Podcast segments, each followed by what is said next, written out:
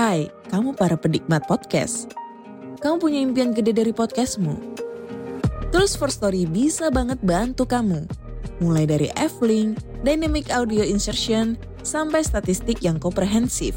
Semua ada di First Story.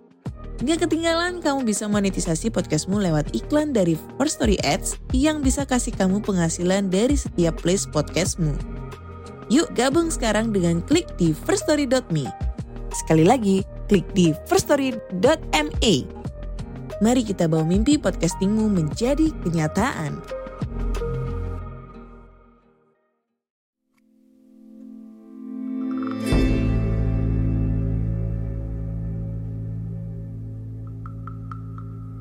Assalamualaikum warahmatullahi wabarakatuh.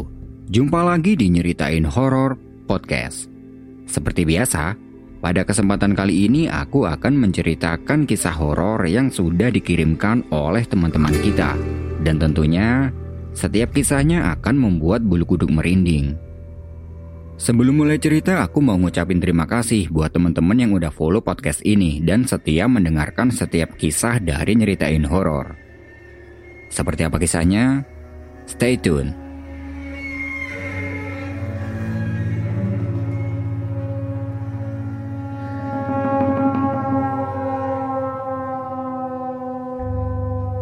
Siang itu Novita sedang nongkrong di kafe favorit bersama Dani. Dani adalah pacarnya Novita dan hubungan mereka sudah hampir menuju ke jenjang pertunangan. Di kafe itu, mereka berbincang-bincang dan sesekali membicarakan tentang masa depan. Di sela-sela obrolan, Dani mengajak Vita untuk pergi piknik ke Gunung Gede untuk refreshing sebelum hari pertunangan mereka dilaksanakan. Novita sangat senang karena sebelumnya mereka juga sudah pernah nanjak bareng dan itu membuat Vita ketagihan. Menurut Vita, pendakian itu memang lelah, tapi lelah itu bisa hilang kalau sudah sampai di puncaknya. Deal. Dani mempersiapkan alat dan perbekalan untuk mereka berdua. Dan karena Dani belum pernah mendaki ke Gunung Gede, dia mengajak temannya yang lebih berpengalaman di bidang pendakian. Sebut saja temannya itu adalah Erik. Dani biasa panggil dia Mang Erik. Singkat cerita, tibalah hari keberangkatan. Dani menjemput Novita ke rumahnya. Setelah itu mereka langsung menuju ke rumah Mang Erik untuk berkumpul. Sesampai di rumah Mang Erik, ternyata ada satu orang lagi yang juga akan ikut. Dia adalah Robi, temannya Mang Erik. Di rumahnya Mang Erik itu mereka packing peralatan dan segala macam. Dan Mang Erik memberitahukan pada mereka kalau pendakian kali ini akan melewati jalur Salabintana. Dani dan Novita menurut apa yang sudah menjadi keputusan Mang Erik. Karena memang Mang Erik yang sudah berpengalaman. Setelah persiapan sudah lengkap, mereka berangkat menuju ke tempat tujuan. Layaknya seorang cowok, semua perbekalan seperti tenda, alat masak, dan keperluan lainnya digendong oleh Dani di dalam tas carrier. Sedangkan Novita hanya membawa peralatan pribadinya saja. Setelah berputar-putar mencari titik lokasi base camp, akhirnya sampailah mereka di sana sekitar jam 8 pagi. Mang Erik segera mengurus izin yang sudah di booking tempo hari. Setelah itu mereka istirahat sebentar untuk mengisi tenaga sebelum menapaki jalur pendakian. Siang itu tidak terlihat banyak pendaki, hanya ada beberapa saja. Kalau bisa dihitung, mungkin sekitar 2 sampai 3 rombongan saja. Entah mereka rombongan itu mau naik apa sudah turun. Setelah dirasa cukup istirahat, pendakian dimulai sekitar pukul 9 pagi. Mereka berjalan dengan penuh semangat dan jalur pendakian ini terlihat sangat sepi. Dari pos tadi, mereka tidak berpapasan dengan pendaki lain satupun. Setelah cukup lama berjalan, sampailah mereka di simpang air terjun. Tempat ini bisa dibilang pos peristirahatan, dan di sini mereka istirahat. Gimana Vita? Masih kuat kan? Yaelah, baru sebentar aja udah ditanya gitu.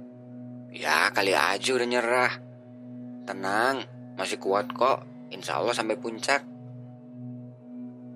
Beberapa menit istirahat dan berbincang-bincang, perjalanan kembali dilanjutkan. Jalur pendakian masih terlihat sepi, padahal sekarang ini hari Sabtu. Entah karena jalur ini memang jarang dilalui pendaki, atau memang hari ini kebetulan tidak ada yang minat mendaki. Di sepanjang perjalanan mereka saling ngobrol agar rasa lelah tidak begitu terasa. Cukup lama berjalan, tidak terasa sampailah mereka di sebuah papan yang menunjukkan kalau ini adalah pos peristirahatan. Sampai di sini Novita sudah mulai payah. Nafasnya sudah tidak beraturan dan keringat sudah membasahi kerudung dan pakaiannya. Dani minta pada yang lain untuk istirahat lebih lama di sini. Sambil istirahat itu, Dani mengeluarkan cemilan dan membuatkan Novita minuman hangat agar badannya Novita kembali fit untuk melanjutkan perjalanan. Dari sini, Dani mulai mengkhawatirkan keadaan Novita karena semakin lama wajah Novita terlihat semakin pucat. Vita, kamu sakit? Sehat kok. Kenapa? Wajah kamu pucat banget. Beneran gak sakit? Beneran. Udah tenang aja. Aku masih kuat kok. Sebenarnya kondisi Novita sudah mulai drop, tapi dia tidak jujur pada Dani dan yang lain. Karena dia sangat ingin menginjakan kakinya di puncak gunung gede. 45 menit istirahat, perjalanan kembali dilanjutkan. Jalan yang cukup licin agak sedikit menghambat perjalanan mereka. Robi berjalan di barisan depan dan Mang Erik di paling belakang. Karena jalur yang terus menanjak, Langkah kaki Novita semakin pelan, tapi dia berusaha kuat agar tidak mengecewakan yang lain, terutama Dani, yang sudah bersusah payah membawakan sebagian barang pribadinya. Setelah cukup lama berjalan, sampailah mereka di pos berikutnya ketika hari sudah mulai gelap. Di pos ini mereka istirahat lagi untuk makan, dan sampai di pos ini mereka tidak juga bertemu dengan pendaki lain satupun. Bang Erik, jalurnya emang sepi gini ya? Dari tadi aku nggak ngelihat pendaki lain satupun. Emang gini jalur Salabintana, Neng?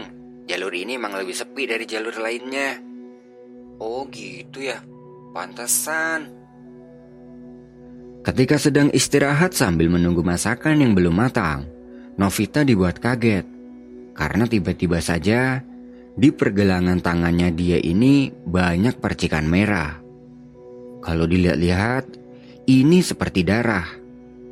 Novita mengendusnya. Dan benar, aromanya anyir, mirip darah. Yang, kok tanganku tiba-tiba gini? Kenapa emangnya? Kok kayak darah gini? Jawab Dani sambil mengendus pergelangan tangan Novita. Iya nih, darah. Kok bisa ada darah di tanganmu? Gak tahu, tiba-tiba aja ada. Tapi gak ada yang luka kan? Gak ada yang, tiba-tiba ada darah gitu aja. Bang Erik ikut memperhatikan pergelangan tangan Novita dan dia menyimpulkan. Oh, abis digigit pacet mungkin. Hati-hati Neng, di sini banyak pacetnya. Dani percaya dengan perkataan Mang Erik, tapi belum dengan Novita. Karena sejak tadi, dia tidak merasa ketempelan bahkan digigit pacet. Kalaupun memang digigit pacet, harusnya Novita tahu secara ini di pergelangan tangan. Dani memberi selembar tisu untuk membersihkan darah yang ada di pergelangan tangannya itu. Dan tidak lama kemudian, masakan sudah matang dan mereka makan bareng-bareng. Setelah selesai makan, mereka santai-santai dulu nih sambil minum kopi. Masih jauh ya mang ke puncaknya? Udah deket kok. Di pos selanjutnya kita camp, baru besok naik ke puncak. Novita masih berusaha mencari tahu darah apa yang ada di pergelangan tangannya tadi. Karena jujur saja, saat itu dia mulai merasa takut. Sekitar jam 7 malam perjalanan kembali dilanjutkan. Posisi perjalanan masih seperti awal, dan ketika hampir sampai di pos selanjutnya, tiba-tiba Novita dikagetkan oleh seekor burung yang hinggap di ranting tepat sebelah kirinya. Spontan Novita mengarahkan senternya ke arah burung itu. Dan ternyata itu adalah burung hantu. Novita kaget dan teriak ketakutan. Mang Erik berusaha mengusir burung itu, tapi sepertinya burung itu tenang-tenang saja dan tidak mau pergi. Dan akhirnya sama Mang Erik dibiarkan saja. Tenang aja, Neng. Itu burung emang banyak di sini. Tapi baru kali ini deh, Mang, aku ngelihat ada burung hantu di jalur pendakian. Berarti mainmu kurang jauh, Dan. Hehe. Mereka lanjut berjalan lagi, tapi burung hantu yang tadi itu malah ikut. Dia terbang mondar-mandir tepat di atas kepala Novita. Novita semakin takut dibuatnya, dan terpaksa Mang Erik mengusir burung itu menggunakan ranting, hingga akhirnya burung itu mau pergi. Udah Neng, udah, udah pergi tuh burungnya. Ucap Mang Erik. Beberapa meter berjalan, akhirnya mereka sampai di pos terakhir. Kemudian, mereka segera mendirikan dua tenda. Dan karena sudah lelah, malam itu mereka langsung tidur di tenda masing-masing. Mang Erik, Dani, dan Robi tidur di satu tenda yang berkapasitas empat orang. Dan karena merupakan wanita satu-satunya, Novita tidur di tenda sendiri yang berkapasitas dua orang.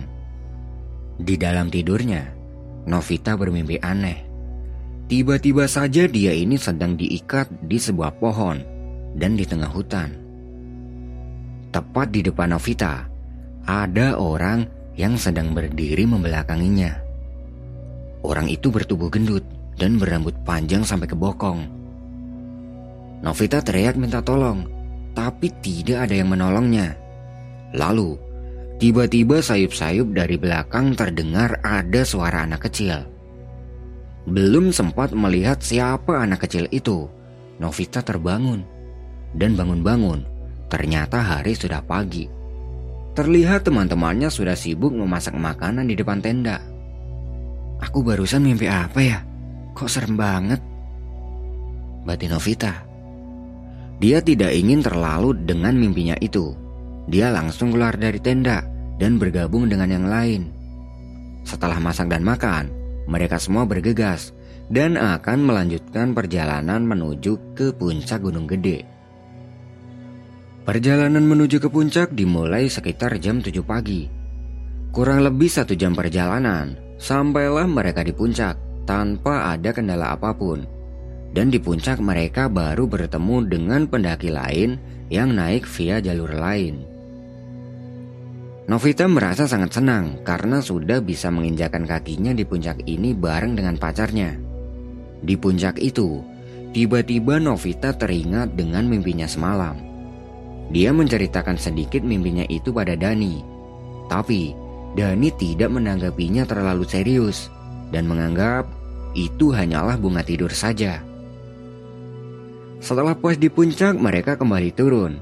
Dan di perjalanan turun itu, mereka bareng dengan satu rombongan yang sedang lintas jalur. Jadi rombongannya itu awalnya naik via jalur Gunung Putri dan turun via jalur Salabintana. Di perjalanan turun mereka saling ngobrol dengan rombongan itu dan ketika akan sampai di tempat camp, samar-samar Novita melihat ada sosok yang sangat besar. Dia sedang duduk di atas ranting pohon. Anehnya, ranting itu tidak patah dengan keberadaan makhluk sebesar itu. Pemandangan itu membuat Novita tidak fokus dengan jalan yang dilaluinya, hingga akhirnya dia terpleset dan jatuh ke kiri jalur. Badannya berguling-guling dan kepalanya sempat terbentur batu. Keadaannya cukup parah. Melihat kejadian itu, yang lain segera memberi pertolongan, dan saat itu keadaan Novita ini sudah pingsan. Dani yang sudah panik tidak karuan segera mengangkat Novita kembali ke jalur pendakian dengan dibantu teman-teman lain. Dan mereka segera membawa Novita ke tempat camp. Kepala bagian kirinya Novita berdarah dan mulutnya penuh pasir. Mang Erik mengecek denyut nadinya dan masih terasa. Kejadian ini membuat semua orang panik tidak karuan, terutama Dani. Bagaimana kalau terjadi sesuatu yang tidak diinginkan? Bagaimana kalau nyawa Novita melayang? Semua itu bergelut di dalam kepalanya Dani. Novita tidak tahu apa yang sedang terjadi pada dirinya. Bisa dibilang, saat itu Sukma Novita keluar dari raganya dan tiba-tiba Sukmanya ini sedang diikat dengan akar di sebuah pohon. Tepat di depannya Novita, ada sosok yang tadi dia lihat sebelum pingsan. Dia berdiri membelakangi Novita. Makhluknya itu berbadan gendut, berambut panjang, dan makhluk itu terlihat seperti sedang memakan sesuatu. Loh, aku di mana ini? Kok kayaknya aku nggak asing sama tempat ini? Pikir Novita. Ternyata kejadian ini sudah pernah dialami Novita di dalam mimpinya semalam. Novita teriak minta tolong, tapi tidak ada seorang pun yang menolongnya. Makhluk yang di depannya itu pun tidak menoleh ke arah Novita sama sekali. Tidak berselang lama, dari belakang terdengar ada suara anak kecil yang berkomunikasi dengan sosok itu. Novita berusaha noleh ke belakang, tapi tidak bisa karena ikatan yang ada di tubuhnya ini sangat erat. Dan dia juga tidak paham dengan apa yang dibicarakan antara anak kecil di belakangnya itu dengan sosok besar yang ada di depannya. Setelah berkomunikasi, makhluk gendut itu pergi dan akar yang mengikat Novita ini perlahan kendor hingga dia bisa melepaskan tubuhnya dari ikatan itu. Dia langsung melihat ke belakang, dan di sana memang benar ada anak laki-laki yang sedang berdiri. Rambutnya lusuh dan kotor, pakaiannya coklat dan sangat kuno. Aku di mana? Dan kamu siapa? Tanya Novita. Anak itu tersenyum, kemudian dia menjawab.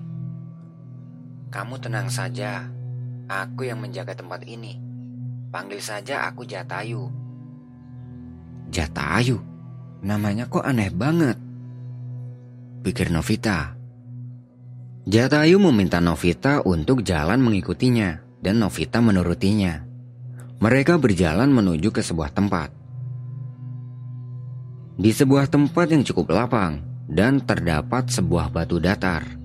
Jatayu memberitahu Novita kalau yang berada di sini sekarang ini adalah Sukmanya.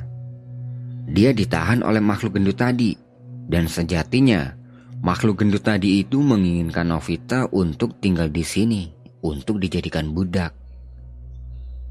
Jatayu, kenapa kamu menolongku? Siapa pun itu aku berhak melindunginya selama dia masih ada di dalam jangkauanku. Aku pengen kembali, tolong aku. Belum waktunya, nanti aku akan mengantarmu kembali ke ragamu. Kapan aku bisa kembali? Di luar sana banyak yang menginginkan sukmamu. Nanti kalau keadaan sudah aman, aku sendiri yang akan mengantarmu. Jatayu meminta Novita untuk menenangkan dirinya. Kemudian dia duduk di atas batu datar yang merupakan singgasananya. Terlihat, Jatayu sedang bersemedi dengan tenang, sedangkan Novita memperhatikan sekeliling tempat ini. Suasananya remang-remang, disertai kabut tipis dan sangat sunyi. Bahkan suara angin pun tidak ada. Novita duduk bersandar pohon sambil menumpangkan dagunya di atas kedua lutut. Dan suasana tenang di tempat ini membuat Novita tertidur. Bangun-bangun, sosok Jatayu sudah selesai dari semedinya dan memberi Novita makanan berupa buah pisang. Makanlah, setelah ini aku akan mengantarmu kembali ke ragamu. Novita memakan beberapa potong buah pisang. Kemudian Jatayu meminta Novita agar jalan mengikutinya. Mereka berjalan melewati semak-semak yang cukup rimbun. Dan beberapa langkah setelah melewati semak itu, Novita melihat teman-temannya ini sedang panik. Dan dia juga melihat tubuhnya sedang terbaring di atas tanah. Novita kaget melihat dirinya sendiri. Jatayu, itu aku. Apa aku sudah mati? Kamu masih hidup, takdir belum memanggilmu.